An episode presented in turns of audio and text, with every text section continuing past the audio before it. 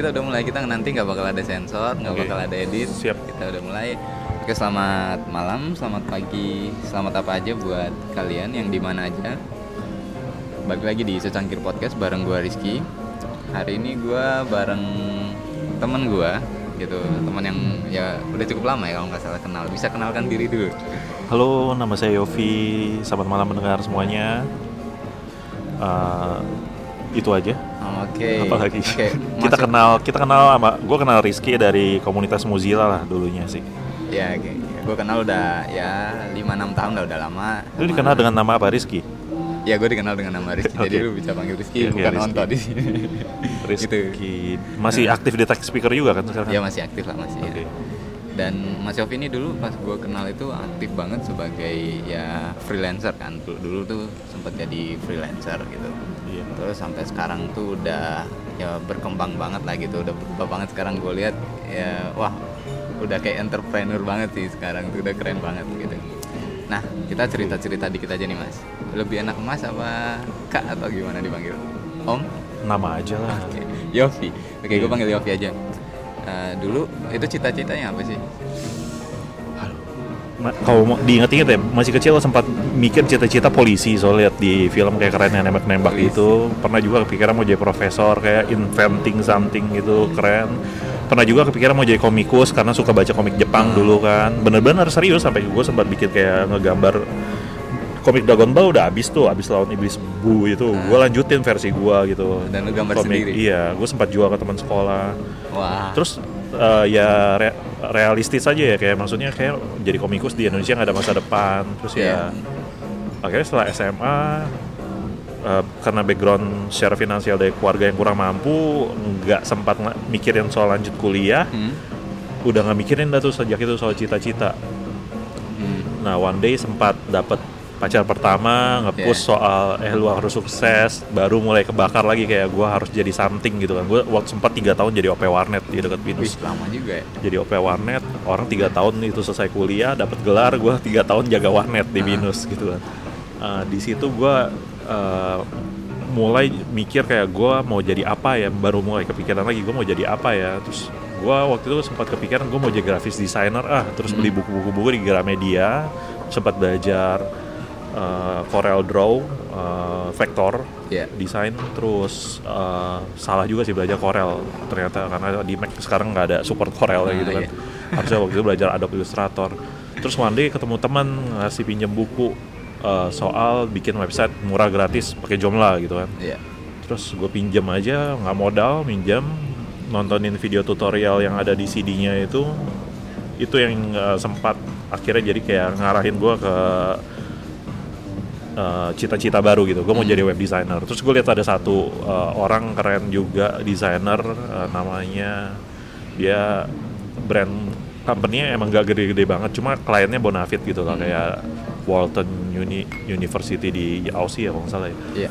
Uh, dia dosen desain juga di UPH namanya Bilan Budiman lah dia orangnya agak arogan kayak si Da- Ahmad Dhani gitu gaya-gayanya tapi dia web designer keren sih menurut gua Uh, dulu gue sempat nyontek desain website dia terus gua onlinein gue bikin pakai template gratisan lah terus gue rombak-rombak CSS nya supaya mirip sama web dia terus gue onlinein terus gue broadcast ke Yahoo Messenger eh gue lupa ada dia gitu kan terus dia buka dia dia ngomel tiba-tiba ke gue ini siapa lu? Lu ngapain lu nyari website gue gitu segala gitu lah. Terus gue bilang ya maaf maaf saya salah gitu kan. Terus gue ganti lagi jadi jelek lagi web gue tapi itu jadi pengalaman menarik sih. Tapi ya tetap uh, maksud gue karena desainnya keren ya dia jadi salah satu orang yang menginspirasi gue untuk akhirnya sekarang jadi web designer. Nah, dan sejak saat itu lu udah mulai ngejual gitu desain-desain itu. ngejual wah agak cerita panjang dan agak tragis. Di awal-awal itu gue mulai freelance web design itu sebetulnya ngerjainnya kan ya belajarnya aja dari buku gratisan kan. Terus Iya. gue fotokopi sendiri gitu videonya file bisa gue copy ke komputer. Dulu zaman gue belum punya komputer sendiri masih pakai komputer PC abang gue terus one day abang gue ngomelin ini AC kamar jadi rusak gara-gara main komputer mulu gitu kan. Terus gue sedih gue jalan ke Mangga Dua Mall keliling sana sini kayak lihat-lihat toko-toko. Aduh harga laptop mahal-mahal gue belum sanggup beli lah 5 juta 10 5 jutaan gitu kan. Ya dulu ya. terus gue ingat oh ada teman abang gue yang kerjanya IT gitu. Gue kontak aja. Terus dia dia bilang dia ada laptop uh, second itu uh, lu ambil aja pakai ntar bayarnya cicil aja gitu kan terus ya puji Tuhan gue bisa selesai cicilan itu kan terus ya coba ambil lagi update uh, laptop Toshiba lain gitu sama dia juga gitu cicil juga gitu. Uh, dan bahkan beberapa project awal gue website gue dulu jualnya pertama di Kaskus. Jasa website murah di Kaskus. Itu harganya gue ingat kayak nggak nyampe 500 ribu kali ya atau 500 Satu website itu. Satu website, Berapa iya. halaman? Ah nggak tahu terserah lah ya namanya CMS kan terserah halaman ya. Iya, iya, nambah-nambahin menu aja. Jumlah ya. iya. Itu uh, awal-awal harga segitu dan itu pun gue ngerjainnya di warnetnya gitu bukan di rumah atau nggak ada karena belum ada laptop juga jadi masih ngerjain di warnetnya bayar 3000 per jam gitu. Uh, dan sebelum sebetulnya ada cerita seru juga sebelum itu itu sebelum gue terjun ke web gue kan tadi sempat bilang gue sempat terjun di grafis design. Iya, graphic design. di grafis desain itu sebelum gue grafis desain gue sempat jadi sales toko bangunan lah keliling sana sini. Gue belajar untuk gue rasa setiap orang ya kalau mau sukses dalam bisnis harus punya jiwa sales juga sih. Iya, jiwa sales itu lu harus jual penting. lu harus entah jual diri lu atau bu- bukan jual diri ya. Bukan jual diri tanda kutip ya menjual uh, skill lu kah lu menjual uh, kemampuan lu atau lu jual produk. Nah untungnya gue sempat gue kan dulu orang introvert nggak suka lah bersosialisasi sama orang apalagi nggak dikenal tapi ketika gue jadi pengalaman sales uh, ngejualin produk toko bangunan gitu ya gue ke toko bangunan A toko bangunan B gue sempat itu kerjaan terakhir gue lah yang digaji gitu. Iya. setelah gue di warnet gue sempat lompat sana sini terakhir itu gue ingat gue jadi sales Eh, toko A toko B. Gue harus belajar kayak ketemu eh, yang punya toko halo Ci apa kabar? Bahasa basi dulu Iya, lah. iya, iya. halo Om apa kabar? Gimana anaknya? Sehat Hmm. nggak? Diajarin harus bahasa basi dulu jangan langsung nanya "U- Om mau nambah orderan nggak Om? Gitu. Nggak boleh sopan katanya Uh, jadi ketemunya juga orangnya beda-beda. Ada yang punya toko orang yang baik ada yang galak ada yang uh, order enggak malah gue diomelin terus gitu. Karena dia ngomelin sebenarnya mau ngomelin perusahaan. Tapi karena kita seolah kayak representatif perusahaan kita yang kena omel gitu. Jadi dulu ngalamin uh, gimana sih uh, sulitnya jadi sales gitu. Terus gue mikir simple. Uh, gue ditargetin dulu kayak 90 juta tiap bulan Iya. bisa ngejual produknya Wow. dia sampai 90 juta. Terus akhirnya gue cuma dapat 80 sih. Terus sebagai seorang introvert kan lu jadi sales lu keluar effortnya kan pasti gede banget kan Hmm. untuk bisa uh, nyampe angka meskipun nggak sampai target 90 ya gue sampai 80 artinya gue nggak dapat bonus kalau gue bisa sampai target kan gue dapat bonus. Nah, harus udah deket deadline harus telemarketing nelponin toko-toko Hmm. uh, biar nanya-nanyain mau nambah apa enggak dan sebagainya. Jadi effort yang keluar itu gede banget. Terus gue mikirnya simple aja deh. Kalau gue pakai effort ini gue buat usaha bisnis sendiri gitu atau Iya. usaha sendiri. Gue pakai tapi gue janji ke diri gue sendiri bahwa gue akan pakai effort yang sama gitu loh. Hmm. nggak gue kurangin. Gue yakin gue bisa dapat setidaknya income yang gue dapat lebih daripada gue ke gaji kerja di situ gitu loh. Iya, gue yakin. Jadi akhirnya gue satu bulan gue ngerasa kayak gue nggak gue ngerasa ini nggak bisa jadi jalan gue buat sukses gitu kan. Cepet-cepet Iya. lah kalau teman-teman ngerasa kayak ini bukan jalan gue ini nggak ini bukan jalan yang mendukung gue ke arah yang gue mau. Cepet-cepet lah uh, ubah haluannya gitu. Pivot lah ya. ya. pivoting. Terus gue minta resign. Setelah resign gue mau freelance gitu. Hmm. Justru waktu kerja itu juga gue sekalian sih. Sabtu, ke Senin, Jumat gue kerja sales itu. Sabtu Minggu gue keliling nawarin desain-desain. Jasa grafis desain ke pakai Photoshop dulu ke restoran-restoran gitu. Muara Karang, Taman Palem, toko-toko, restoran gue masukin yang punya siapa gue tanya saya ada Hmm. jasa desain. Kalau diingat emang cukup banget gitu Eh, mau nggak ini harganya jasa desain cuma 50.000 ribu gitu Hmm. kan. Bisa bikin website juga 500.000 ribu. Dari sekian banyak gitu banyak kan nggak mau sih. Tapi eh, masih ingat ada yang mau satu terus ada juga yang kasihan ngeliat gua ditawarin minum nih duduk ngobrol gitu kan dia nasehatin gua Iya, iya, iya. bisnis itu sebaiknya begini begini begini lah gitu iya iya iya aja jadi sempat ya itu jadi kayak mungkin eh, ngasah mental juga kali ya biar punya biar tahan banting ke depannya gitu Heeh. jadi dari situ ya eh, akhirnya dari grafis gue ngerasa sempat sih kayak nyetak brosur ngambil untung juga kan dari nyetak brosur dan sempat belajar kayak cetak offset gitu oh iya iya. Terus- dengar itu. Eh, making sedikit banget money terus gue ngerasa kayak wah kalau grafis desain ini spek komputernya harus gede soalnya kan 300 dpi apalagi buat brosur atau poster nggak sanggup lah nih laptop laptop gue udah murahan juga dulu Mm. terus akhirnya gue mikir kayak web design cuma 72 dpi ini enteng banget udahlah terjun kayak ke web mendingan daripada ke grafis Uh, dari web terus langsung gue ngambil role model. Nah ini pentingnya teman-teman kalau punya visi atau Iya. punya impian, kalau bisa punya role model. Siapa yang uh, kalian mau jadi web designer? Kalian mau jadi uh, artis terkenal? Nggak keren ya artis terkenal kayak mainstream banget sekarang. ya. Jangan lah. mau YouTuber. jadi, mau jadi youtuber Nah, kalian pilih role model siapa yang yang positif kalau bisa pilih ya jangan yang aneh-aneh kalian pilih satu orang yang menurut kalian ideal nah itu jadiin kayak kalian mau mengarah ke sana gitu. One day mungkin kalian akan lebih dari dia sih. Jadi dulu ya ketika gue terjun ke web gue lihat ini ada satu orang ideal gue mau jadi kayak dia nanti. Ya akhirnya setelah kayak 5 atau enam tahun nyampe lah posisi kayak dia gitu. Terus setelah itu ya salahnya gue mungkin itulah gue kan udah 10 tahun di web. Setelah 5 atau 6 tahun gue udah capai apa yang gue visualisasikan di dulu. web. Terus gue nggak bikin visualisasi baru nah itu jadi stagnan itu bener loh kejadian lu bisa stagnan ketika lu nggak uh, kita hidup kan kita mau berkembang Hmm. terus kalau nggak berkembang rasanya hampa lah Iya. hambar hidup ini Uh, jadi ketika lu nggak punya target lagi akhirnya lu ngerasa kayak bisnis lu ya stagnan aja dan berusaha dinaikin juga nggak naik naik sih Dan Kira-kira ini menarik sih. gitu. Ya, menarik. Jadi 10 tahun itu banyak banget yang ya lu lakuin ya di web gitu. Nah, yang gue mau tanya ini ada eh, jadi gimana cara lu nentuin harga nih? Selama 10 tahun itu kan pasti banyak lah gitu kliennya. Nentuin harga misal ada dari company A gitu mau minta bikin platform bikin website gitu. Ada dari company B gitu dan dua dua perusahaan ini beda-beda gitu. Hmm. beda mungkin dari lebih gede swasta atau negeri gitu. Nah cara nentuinnya itu gimana biasanya? Nah pastinya satu sih sebetulnya fuck apalagi ini bisnis jasa ya. Harga itu sangat relatif Eh, vendor A, vendor B, vendor C pasti punya standar beda-beda. Harganya bisa beda-beda. Pertimbangan juga bisa beda-beda. Karena mungkin beban masing-masing vendor juga beda-beda kan. Ada Iya, yang mungkin betul. karyawannya banyak ada yang bahkan nggak ada karyawan.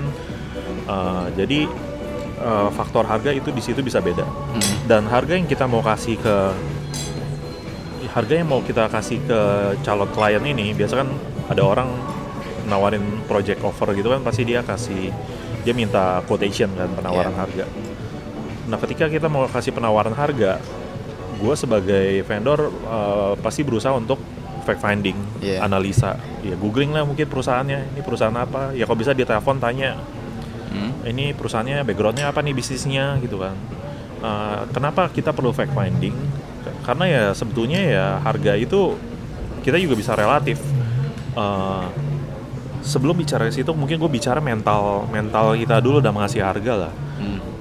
kayak dulu gue pertama di bisnis web uh, cuma ngasih harga nggak nyampe sejuta kurang dari sejuta gitu kan Iya. sebetulnya saat itu kalau gue ngasih harga lebih dari sejuta bisa nggak sih? Gue gue yakin sebetulnya bisa. Mm-mm. Cuma gue belum ada mental untuk itu. Kita harus punya mental untuk tahu kita punya value berapa gitu. Iya, iya betul. Gue sempat, gue kan dulu sering datang ke acara komunitas sana sini gitu kan. Acara komunitas yang isinya eh, freelancer juga, entrepreneur juga yang bikin web dan sebagainya gitu kan. Uh, terus ada, gue inget satu momen. Uh, satu momen di mana gue nanya ke dia, gue dengar dia cerita kayak, iya saya biasa bikin website harganya 5 juta buat project uh, pemerintah, pemda, Iya. pemda lah. Gue dulu gue inget bagaimana gue merasa takjub denger dia bilang 5 juta itu kayak gede banget ya. Ada yang mau bayar dia bikin web 5 juta gitu ya. Tapi gue bisa setelah jalanin bisnis ini, gue bisa sampai kepada poin di mana malah gue mikirnya jadi berubah. Ada ya orang mau bikin website harganya cuma 5 juta Iya, iya. gitu. Jadi bisa jadi langsung kebalik begitu gitu loh. Jadi lu kita sebetulnya sebagai penyedia jasa bisa value diri kita gitu. Lo mau harga jasa lo di berapa, tapi ya itu harus di uh, balance juga dengan ya apa yang lo offer ke klien gitu kan. Kalau emang lu punya, lu merasa lu itu cukup kompetitif, uh, karya lu bagus, ya why not kasih harga tinggi gitu kan. Hmm. Nah, terus itu faktor dari kitanya. Kalau faktor dari kliennya kan kita mau lihat backgroundnya dia kan, Iya. kayak fact finding. Ini perusahaan kecil, dia cuma baru startup, ibu rumah tangga mungkin bilang mau bikin e-commerce, budgetnya nggak jauh-jauh dari 5 juta, 10 juta kali ya. Iya, segitulah. Biasanya pasti begitu. Uh, terus misal ada perusahaan pengusaha lah, perusahaannya baru berdiri gitu kan. Uh, budget nggak jauh-jauh juga mungkin 10-20 juta. Tapi one day lu meeting, gue pernah kan meeting. Uh, ini nggak cuma kejadian sekali, cukup sering lah ya. Uh, Hmm. Jadi ketika meeting, uh, nggak biasa by email dulu ditanya mau bikin website oke uh, fact- berus- kalau bisa berusaha fact finding karena kalau kalian nggak fact finding kalian bisa ka- salah kasih harga Hmm. salah kasih harga dalam arti ini klien sebetulnya budgetnya mungkin let's say 100 juta. Ya. tapi kalian kebiasaan ngasih orang harga misalnya 5 juta. Klien nggak mungkin bilang budget saya 100 juta. Dia akan Iya, nanya emang harganya berapa kalau bikin di kamu? Gitu kan. Tapi begitu lu buka mulut 5 juta dia langsung takut ini bukan level gua gitu. Hmm. sehingga dia nggak nggak jadi ngambil bikin project di lu. Nah, terus tapi dia kan nggak bilang alasannya kenapa kan. Nggak akan bilang alasannya oh karena sebetulnya budget gue 100 juta oh, kok harga lu 5 juta kecilan kan klien nggak mungkin ngomong begitu kan. Hmm. sehingga kita akan negatif thinking kita mikir waduh apa gua kasih harga 5 juta kemahalan ya makanya dia nggak mau? Gitu. Padahal ternyata murah. sebetulnya budgetnya dia kegedean lu nya aja kasih ya kemurahan gitu kan. Ada kondisi-kondisi seperti itu kan. Ya, kita ya. penting untuk fact finding. Jadi kayak pernah gue datang satu klien eh, dia bilang ya dia mau bikin web. Kayak staffnya dia yang kontak gue terus gue bilang oke eh, terus gue bilang mau meeting oke mau meeting. Ya mau meeting kapan? Ya hari Senin gitu misalnya siang. Oke bisa. Meetingnya di mana? Gue gue kan di Jakarta. Eh tadi dibilang meetingnya di Solo Purwakarta sana. Wah jauh banget. Gue bilang "Eh, iya tapi berarti saya harus ini ya eh, kayak saya harus siapin tiket pesawat ya. Iya nggak apa-apa nanti dibayarin. Nah, udah ketahuan kan berarti klien budgetnya lumayan Iya. gitu berani bayarin tiket pesawat begitu terbang ke sana diajak keliling pabriknya ada banyak banget pabrik tekstil gitu kan waduh klien begini mau dikasih harga berapa gitu kan kayak ini akhirnya gua setengah M lah. Oh, enggak sih. gue kasih 50 sih akhirnya sih. Kayak gue cepat ditawar juga deh kayak. Mungkin gue kasih berapa ya? 100 apa ya? Ditawar ya? berapa? Nah, kalian ditawar juga jangan sampai kejauhan. lah. Iya, Kalau iya. kalian kasih turun harga kejauhan banget, klien malah takut juga. Jadi kasih lah 5% mungkin maksimal kurang. Ya, betul. Kira-kira menjawab ya Mm-mm. soal Ya, harga ya, itu kayak gitu. Itu menjawab sih, menjawab banget.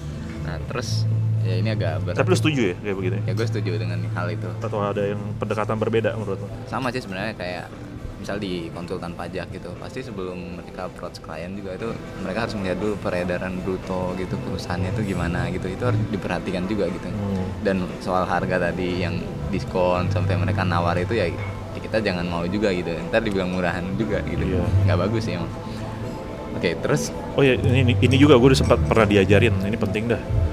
Dulu gue masih cupu banget gue ikut kelas namanya seminar uh, freelance. mm,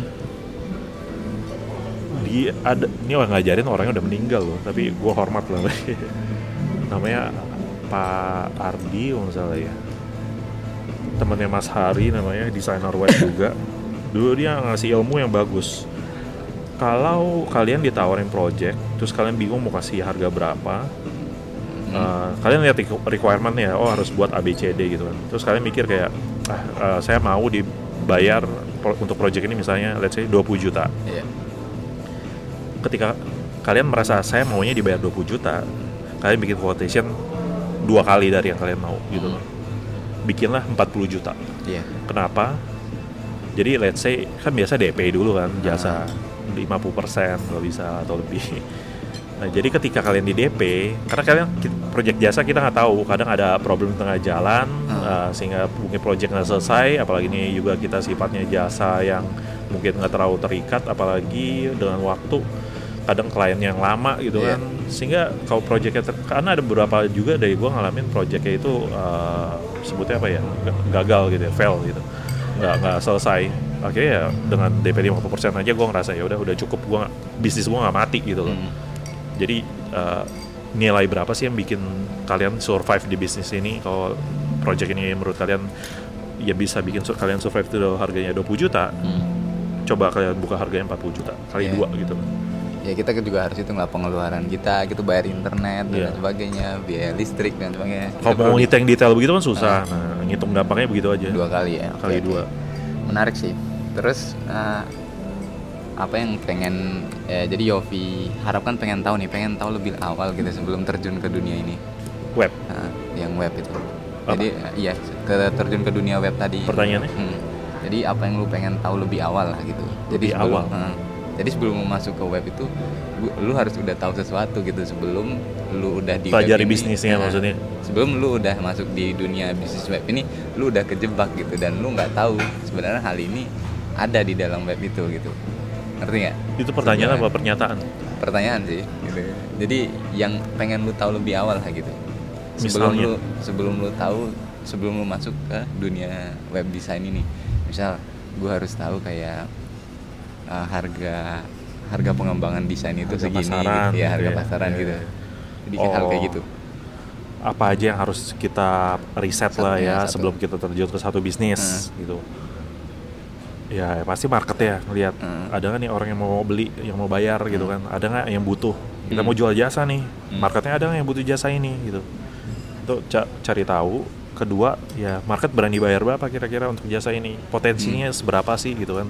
Kalau bisa dilihat jauh ke depan kayak lima tahun ke depan nih kayak makin bagus nih, 10 tahun ke depan makin bagus nih. Hmm. Ya berarti bagus kalian terjun lah, investasiin kepala ke atas, belajar di bisnis itu gitu kan. Oke. Oh. Uh, terus selanjutnya yang perlu dicari tahu cara jualnya gimana? Nah, gitu kan. Kalau dulu gue mikirnya kayak kalau gue mau gampang uh, sukses di web design Iya. ini bisnis web nih. Heeh. orang yang butuh pasti udah melek website internet dong. Butuh jasanya pasti googling dong gitu Iya. kan. Untung gue udah mikir jauh-jauh hari tuh soal itu. Jadi gue harus di halaman pertama Google Oke. itu yang jadi visi gue pertama. Dan ya dalam setahunan atau dua tahun kecapai gitu loh. Pelan-pelan naik naik. Lama-lama ya emang berasa nggak nggak terlalu repot kejar bola. Jadi kayak nunggu bola ya ada aja orang kontak bilang butuh bikin web butuh meeting dan sebagainya gitu. Loh jadi kalian harus mikirin marketnya ada nggak kira-kira potensinya marketnya lalu gimana cara jualnya gitu. Oke, menarik banget sih. Terus, nah ini nih yang hal yang baru nih yang pengen gue dengar kayak ceritain ke kita dong pekerjaan yang lu lakuin sekarang ini. Nah, shifting ini ya Ya shifting karena lu Iya. udah sekarang udah berubah Iya. gitu. Jadi gue udah uh, 10 tahun di web dari 2009 awalnya freelance Hmm. uh, sampai sekarang juga sebetulnya masih gayanya mirip-mirip freelance gitu. Cuma bedanya adalah tahun 2015 gue bikin PT.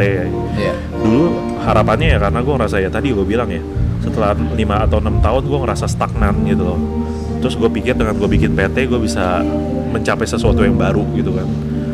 Ternyata uh, ya tergantung orangnya juga kali ya. Gue sih nggak berhasil mencapai apa yang gue harapkan karena mungkin visi gue juga udah mulai kabur. Ketika gue bikin PT gue nggak berkembang dengan apa yang dulu gue harapkan. Gue berharap mungkin waktu itu oh dengan punya PT bisa ikut lelang project tender pemerintah dan sebagainya. Ternyata nggak segampang itu kan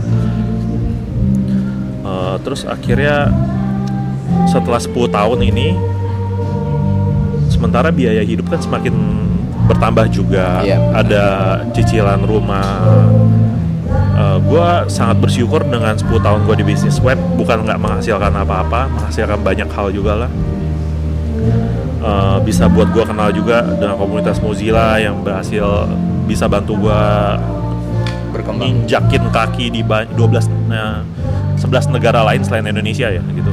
Keren keren. Eh, jadi pengalaman-pengalaman yang mungkin nggak banyak orang bisa alamin gitu loh. Jadi sangat spesial lah gitu.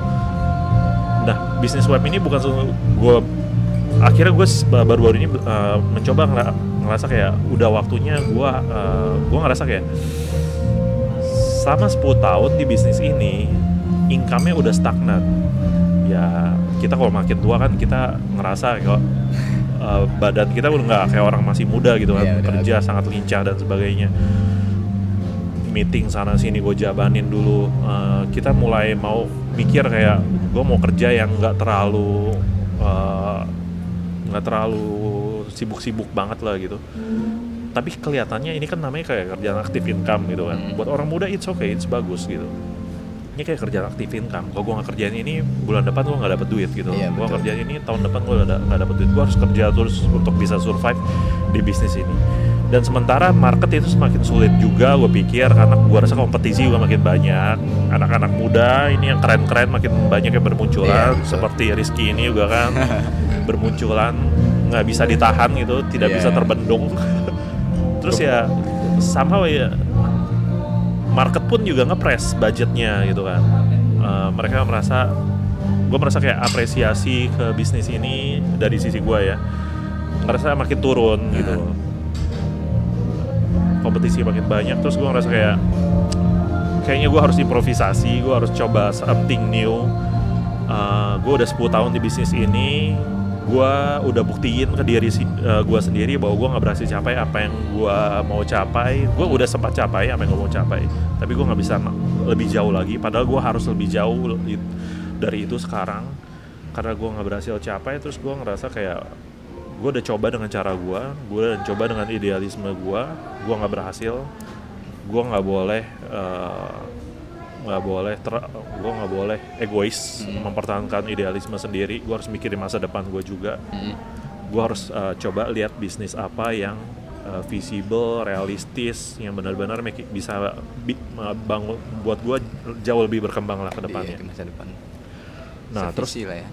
di sekitar tahun 2018 pertengahan gue mulai riset uh, gue juga balik lagi gue nggak langsung terjun juga. Sebetulnya gue juga mengamati dulu hmm. bisnis insurance asuransi.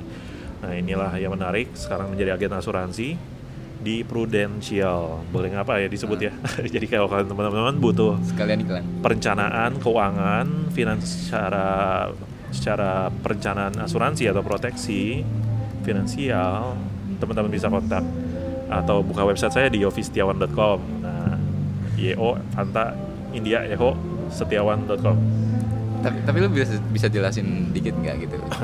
In general lah gitu asuransi itu kayak gimana yeah. gitu? Jadi pengalaman saya sendiri mungkin banyak teman-teman yang mungkin punya pengalaman yang kurang menyenangkan dengan asuransi tapi nggak tahu ya mungkin itu dulu kali ya. Hmm. mungkin ini para pendengar sekarang mungkin banyak milenial banget yang nggak mengalami pengalaman yang tidak menyenangkan.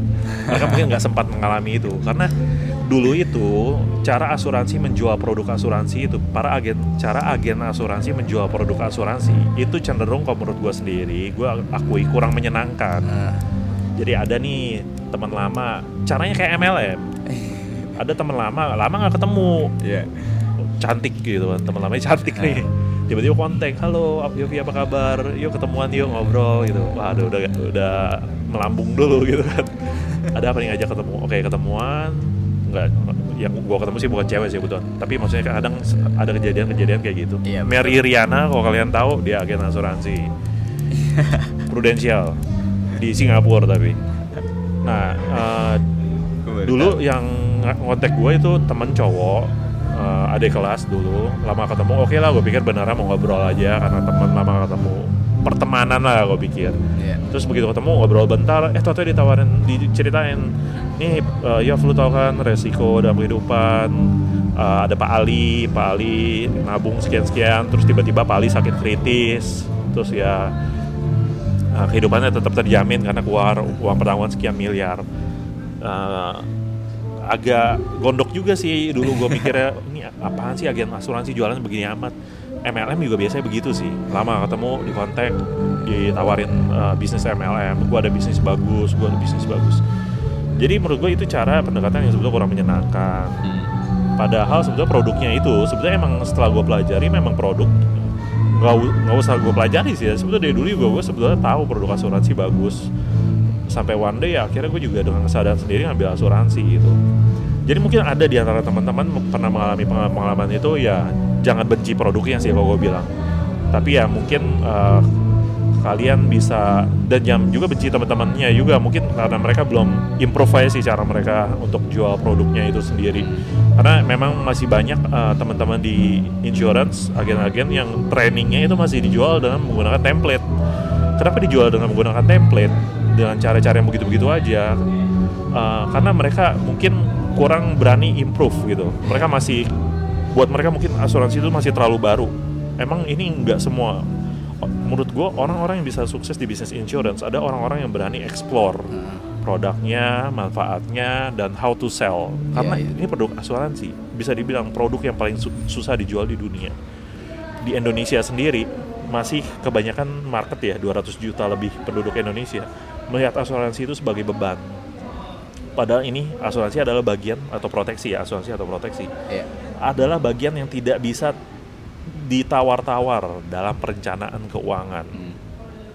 Apa sih hal bagian yang penting di dalam perencanaan keuangan atau financial planning, asuransi dan investasi?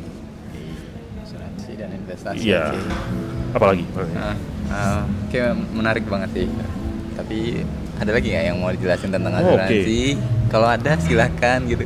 Jadi gue setelah terjun di sini ya gue kan menyadari bahwa gue harus banyak belajar gue harus ngerti produknya gue nggak mau jual something yang gue nggak ngerti Hmm. uh, termasuk manfaatnya jadi gue benar-benar explore uh, punya bangun pemahaman dan gue belajar setiap hidup manusia uh, penting punya perencanaan keuangan Hmm. Uh, dan kesadaran dalam uh, perencanaan keuangan orang ini ada level ya kalau menurut gua ibarat anak tangga Hmm, gimana tuh? ada sebetulnya total ada empat anak tangga kedewasaan kesadaran finansial yang Apa? pertama Coba-coba dulu. ada empat anak tangga Hmm. empat level kedewasaan orang dalam perencanaan finansial Hmm. makin tinggi dia naik anak tangganya makin pinter lah ya gitu Iya. Cuma empat sih sebetulnya. Tadi gue pikir tiga. Yang empat ini emang agak nggak kebayang sih. Eh, yang satu adalah income. Income, kayak pendapatan. Kita masih muda, masih produktif usia 20 sampai 60 tahun. Kita pasti eh, nyari duit, Hmm. entah dari gaji, bangun bisnis, dapat profit, kita kumpulin, simpen entah simpen di tabungan, entah mungkin beli gadget, entah Iya. beli ini itu gitu kan, beli aset. Intinya kita udah di level income lah, kita ngerti pentingnya punya pendapatan. Soalnya ada juga loh orang-orang yang malas kerja, itu berarti kesadaran keuangannya masih jelek kan. Hmm. Orang yang mau kerja dan ngumpulin duit, itu berarti kesadarannya setidaknya udah level 1, dia butuh income. Nah, kalau orang kesadaran finansial udah naik, dia akan naik kelas, uh, dia sadar dia sebetulnya butuh ini. Tapi orang Indonesia suka lompat ke tangga ketiga.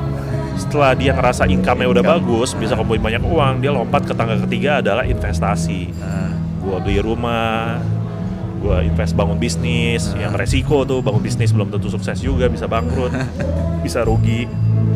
Orang Indonesia suka investasi, ngerasa kayak gue udah punya duit banyak nih, waduh buat apa ya investasiin lah gitu. Padahal investasi bukan nggak bagus, investasi bagus banget. Cuma kalau kalian nggak punya perencanaan yang matang. Perencanaan proteksi, Oh. investasi kalian mau segede apa pun percuma, bisa tiba-tiba ambruk, hilang dalam sekejap. Hmm. Nah, itulah kenapa kalian penting sebelum kalian lompat ke tangga ketiga, ada tangga kedua namanya insurance. Insurance. Makanya gue sebutnya income, insurance, investment, 3I. Jadi kalian penting uh, punya perencanaan asuransi yang baik sehingga kalian make sure income kalian itu akan naik terus. Karena kan kita dalam kehidupan ngumpulin aset kekayaan, bayangin kayak grafiknya naik, naik, Hmm. naik. Nabung, nabung, nabung, dapat gaji, nabung, dapat gaji lagi, nabung lagi, naik terus kan. Hmm. kita kan nggak mau sampai ini turun kan. Yang bisa bikin turun tapi tiba-tiba sakit kritis nggak bisa kerja lagi tiba-tiba ambruk ke bawah gitu kan. Sakit butuh biaya berobat banyak ambruk jatuh ke bawah. Apakah berarti nggak bisa kerja lagi? Bisa cuma dia harus ngumpulin lagi dari bawah lagi. Capek kan gitu Iya, kan. iya. jadi nggak ada insurance. Itu kayak ditahan. Lu mau grafik aset kekayaan lu mau jatuh ke bawah gara-gara sakit. Sorry nggak bisa ditahan Udah ada antivirusnya. Iya, lu mesti naik terus nih. Ntar lu udah diobatin, lu udah sembuh, lu kerja lagi. Lu mulai nggak dari bawah, nggak dari bawah banget. Lu mulai dari tadi yang nggak jauh-jauh lah gitu, naik lagi, naik lagi, naik lagi. Begitulah. Uh, jadi dengannya ada insurance, kita make sure bahwa income kalian kalian itu nggak turun. Hmm. Nah setelah income mereka kumpul, barulah kalian Investment invest. Gimana caranya uang kalian kumpulkan secara aman bisa dikembangin. Karena kenapa penting buat investment? Gue nggak setuju dengan saving. Karena saving itu ada, lu taruh duit di rekening itu ada namanya perampok yang nggak kelihatan. Hmm. Gue belum ngom- ngomongin soal itu ya. Belum, belum, belum. Naruh duit di rekening itu rekening paling nggak berfaedah. Rekening tabungan di bank itu rekening yang tidak berfaedah. Kenapa? Karena itu ada perampok yang tidak kelihatan. Perampok yang tidak kelihatan adalah misal kalian tahu 10 miliar di rekening kalian saat ini. Sekarang. Kalian pikir oh 10 miliar ini gue mau pakai buat nanti 20 tahun lagi gue pensiun ini 10 mil ntar 20 tahun lagi di rekening nilainya 10 miliar juga masih ada Iya, iya. cuma value-nya udah berbeda Ah. 10 miliar yang sekarang mungkin bisa beli rumah mewah 10 miliar nanti mungkin cuma beli rumah berapa petak doang gitu Iya. kan jadi berarti dirampok kan uangnya oleh apa inflasi Iya betul inflasi ya. ada perampok yang kelihatan namanya inflasi gue nggak setuju dengan orang merasa dengan nabung uang di bank dia aman karena justru nilainya sebetulnya terus turun orang harus belajar investasi minimal kalian taruh di reksadana itu pun reksadana ataupun deposito cuma 5% setahun ya 5 5 sampai 6 kalau. 5 sampai 6 Ah. itu pun balapan loh dengan dengan inflasi biaya hidup, ya kan? Heeh. Inflasi biaya hidup itu sebetulnya inflasi biaya hidup itu mengambil angkanya dari mana sih? Sekitar 5 sampai 7 persen itu. Itu ngambil dari eh, kenaikan harga sembako. Oh, sembako. Nah, kalau kalian hidup dengan gaya hidup makannya sembako doang, bolehlah kalian ikutin itu gitu kan. Merasa aman dengan itu. Masalahnya adalah kita hidup nggak dengan gaya hidup sembako kan. Kita hidup dengan gaya hidup Starbucks, Iya. eh, makan kintan buffet, sushi teh, inflasi gaya hidup yang kayak begitu, itu kenaikannya bisa sampai 20% per tahun. Wow. Nah, kalian kalau kalian kerja di satu kantor, menjadi karyawan, pegawai, dan merasa, oh saya tiap tahun naik kok eh, gaji saya eh, sekitar 5%. Itu sebetulnya naik gaji nggak? Sebetulnya enggak loh. Enggak dong. Malah mungkin bisa turun kalau ha- kenaikannya malah kurang dari inflasi, Heeh. kalah dari inflasi. Jadi hati-hati ngelihat itu. Jadi tadi ya anak tangga income, insurance, investment, setelah investment apa? Inflasi. Tadi pikir Eh, cuma cuma eh. tiga itu, tapi ternyata ada satu lagi. Heeh. Uh, hal penting dalam poin penting dalam finansial. Apa? Jadi apa? Gua Di distribusi. Oh, distribusi. Oke. Kira-kira apa tuh distribusi? Apa? Gua kurang jelas. Nah, Sofi mungkin bisa jelasin. Setelah kita kumpulin aset banyak, itu tujuannya buat apa sih? Apa dibawa Ah. ke dalam kubur enggak kan? enggak, enggak, enggak. Jadi itu buat ya income channel kita lah gitu. Income channel. Nah, eh, Nah, jadi akhirnya kita udah meninggal nih. nah, Kekayaan mau buat apa? ya udah nggak bisa dipakai lagi paling ya diwarisin. Diwarisin, Nah. distribusi aset. Nah, Jadi kita harus punya perencanaan ini setelah saya kita kumpulin uang banyak, ini asetnya mau didistribusin ke anak kita atau generasi penerus kita atau bisa juga kalian mikirnya kayak oh gue mau sumbangin nih semua kekayaan gue nanti kalau gue Hmm. udah meninggal gitu. Itu pun perlu perencanaan gitu loh. kalau meninggalnya nggak kaya, berarti perencanaannya gagal dari awal ya kan. Jadi sebenarnya keuangan finansial itu bisa direncanakan. Jadi kayak kalau kalian nggak punya perencanaan distribusi, capek-capek kumpulin banyak ya beli rumah banyak ya kan. Eh salah perencanaan gitu kan beli rumah banyak 10 miliar total.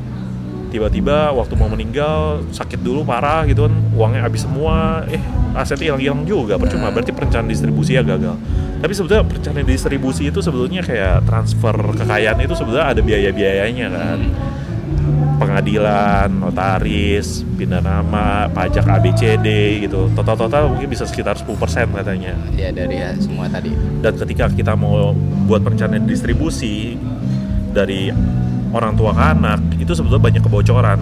Lewat asuransi itu bisa tutup kebocoran-kebocoran itu. Jadi kayak misalnya, oh punya rumah 10M, mau diwarisin ke anak, itu sebetulnya butuh dana liquid cash sekitar 10% dari uh, nilai propertinya karena ada biaya-biaya seperti notaris, BPHTB, uh, agen properti, pengadilan dan lain-lain, total mungkin bisa 10%. Jadi kalau bapak ada seorang bapak punya rumah 10, properti 10M, dia pikir setelah dia meninggal dia aman. Salah, persiapannya kurang. Karena si anak ternyata butuh dana kayak 1M, udah disiapin belum? Kalau nggak ada dana kayak 1M itu percuma. Namanya masih tetap properti semua punya nama bapaknya gitu loh. Dan nggak ada orang yang mau beli properti dari nama orang yang udah meninggal. Iya betul. harus dipindah nama dulu. Butuh dana duit 1 m. Dari mana? Udah disiapin belum dananya gitu kan? Nah that's why. Salah satu gunanya asuransi jiwa. Hmm. keluar dana liquid 1 m. Dana liquid yang gampang banget cair uang pertanggungan jiwa 1 m. Mungkin bisa buat bantu dia ngurusin administrasi itu gitu misalnya. Dia perencanaan jadi distribusi adalah level yang paling tinggi karena kita udah mikirin ini hasil kekayaan gue udah kumpulin banyak ya nggak egois gitu gue mau terusin buat anak gue caranya gimana yang paling mulus gitu yang paling aman nggak ada bocor sana sini gitu jadi gue belajar di finansial ada empat hal penting itu sih Oke, keren keren. Berarti lu setuju dong sama quote-nya yang di sosial media itu quote-nya Bill Gates. If you apa? If you born poor, it's not it's not your mistake gitu. If you die poor, it's your mistake gitu. Ah, iya. Ya. A- ada hal lain lagi yang mau gue tambahin ya? Ah, Eh, boleh. Tambahin aja sepuasnya. tadi kita sempat ngobrolin soal asuransi itu punya manfaat. Nah ini nih. Aduh ini ini mungkin bisa jadi visi ini bisa jadi sebetulnya ini visi besar gue sih kenapa gue terjun di asuransi ya. Ya orang ada visi kecil ya visi simpelnya sih gue mau making income lah dari sini. Gue pengen sejahtera juga di bisnis ini punya income yang lebih baik.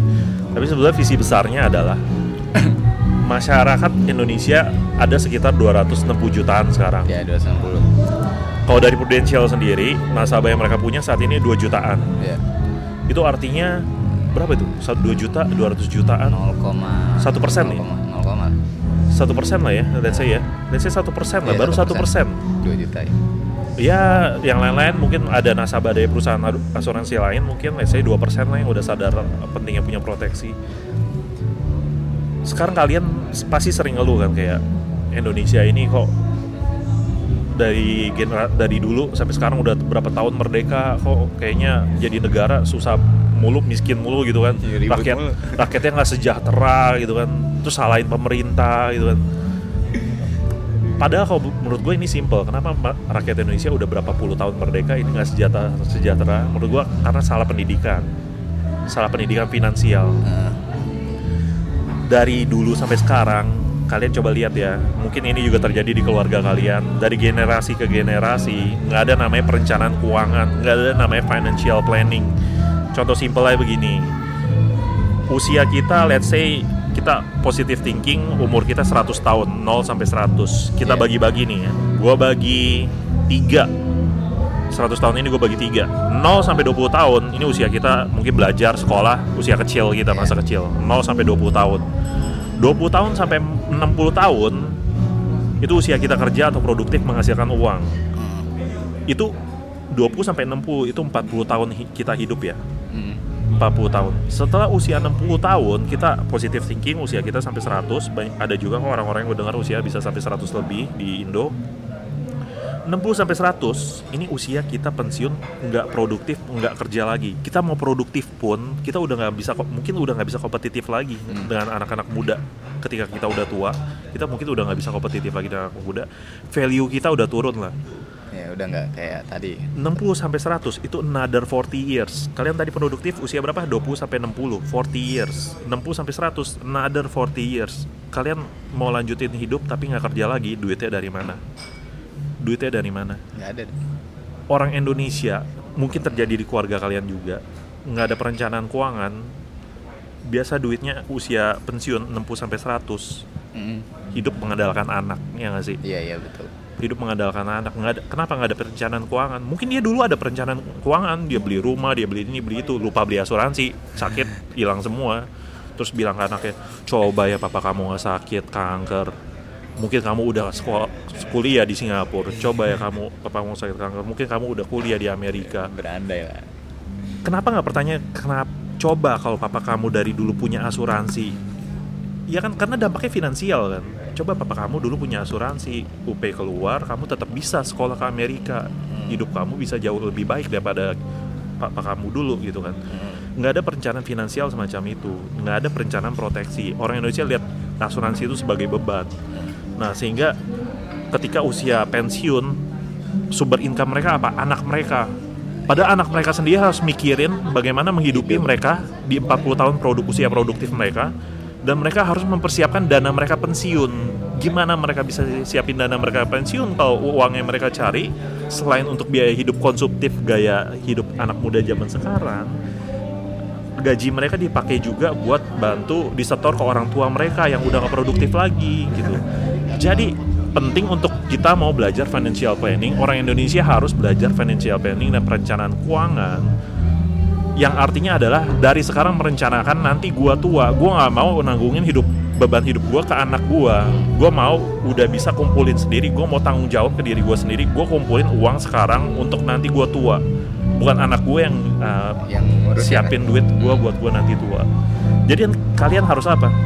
Simpelnya 40 years, 40 years ya. 40 years produktif 20 sampai 60, 60 sampai 100 another 40 years. Gua nggak ngomong inflasi.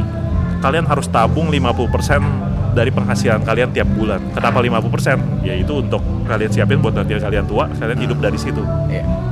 Tapi kalau kalian tabung di bank, nggak nggak nggak ada faedahnya kan, maksudnya. Ya maksudnya it's okay lah kalian mau tabung dengan apa berinvestasi or whatever. Tapi setidaknya dari 50% yang kalian tabung itu, kalian sisihkanlah 2, 10 sampai 20% taruh di namanya rekening proteksi atau asuransi. Nggak hilang loh. Ini namanya unit link. Asuransi unit link itu gabungan antara biaya asuransi dengan investasi. Jadi itu bukan uang yang hilang, ada nilai tunai juga gitu. Jadi kalian sisihkan 10 sampai 20% yang kalian tabung, taruhnya di rekening proteksi sehingga kalau something bad happen itu nggak akan ngeganggu finansial kalian sama sekali. Karena usia kalian produktif 20 sampai 60 ini nggak bisa ditawar. 40 tahun ini kalian kerja kalian harus making money. Nggak bisa ditawar nggak bisa enggak Iya. tapi ada nggak sih yang bisa hal-hal yang bisa membuat kalian nggak making money?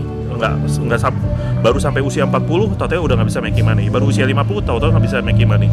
Ya mungkin kalian stres ditinggal pacar nggak bisa cari duit lagi gitu kan itu something yang kalian bisa uh, uh, solve sendiri lah ya Ini tapi kayak pengalaman pribadi Iya.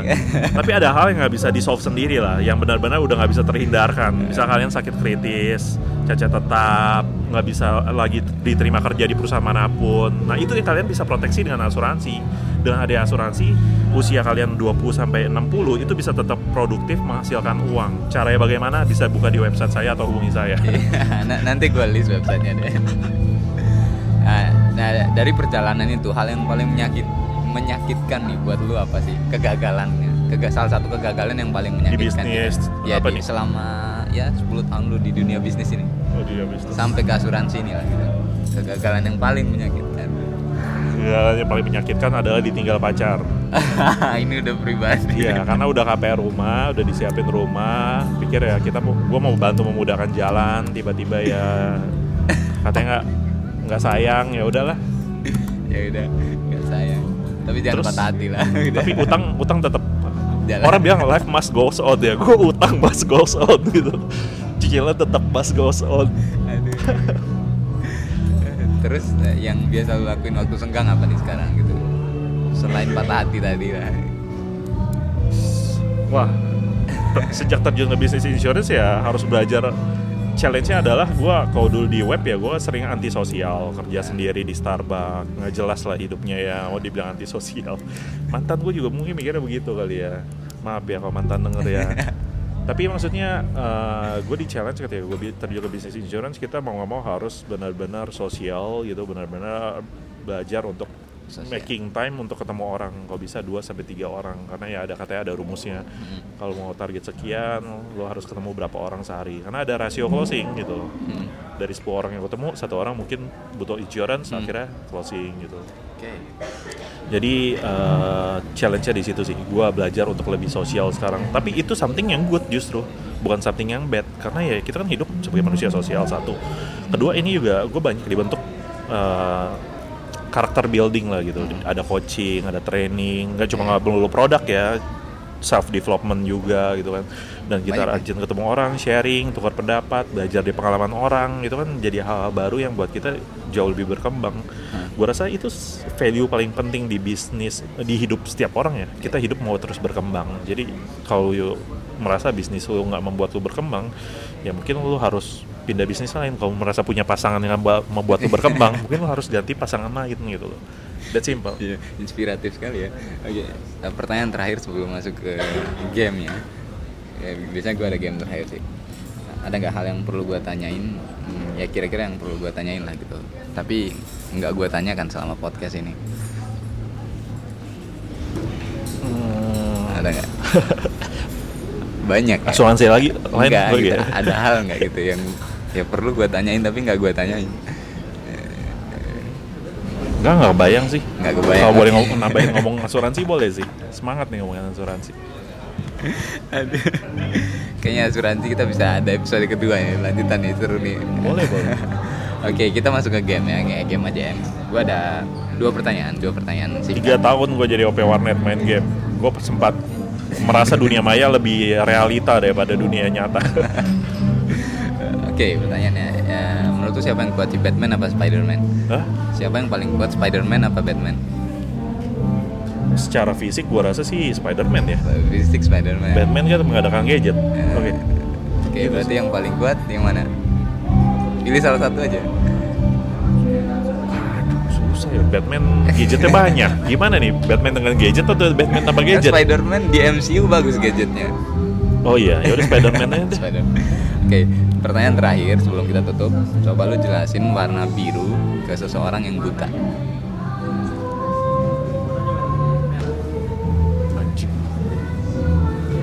Eh, seperti warna yang lu lihat sekarang cuma agak-agak terang dan sedikit apa ya nggak bisa kayak gue Gak bisa.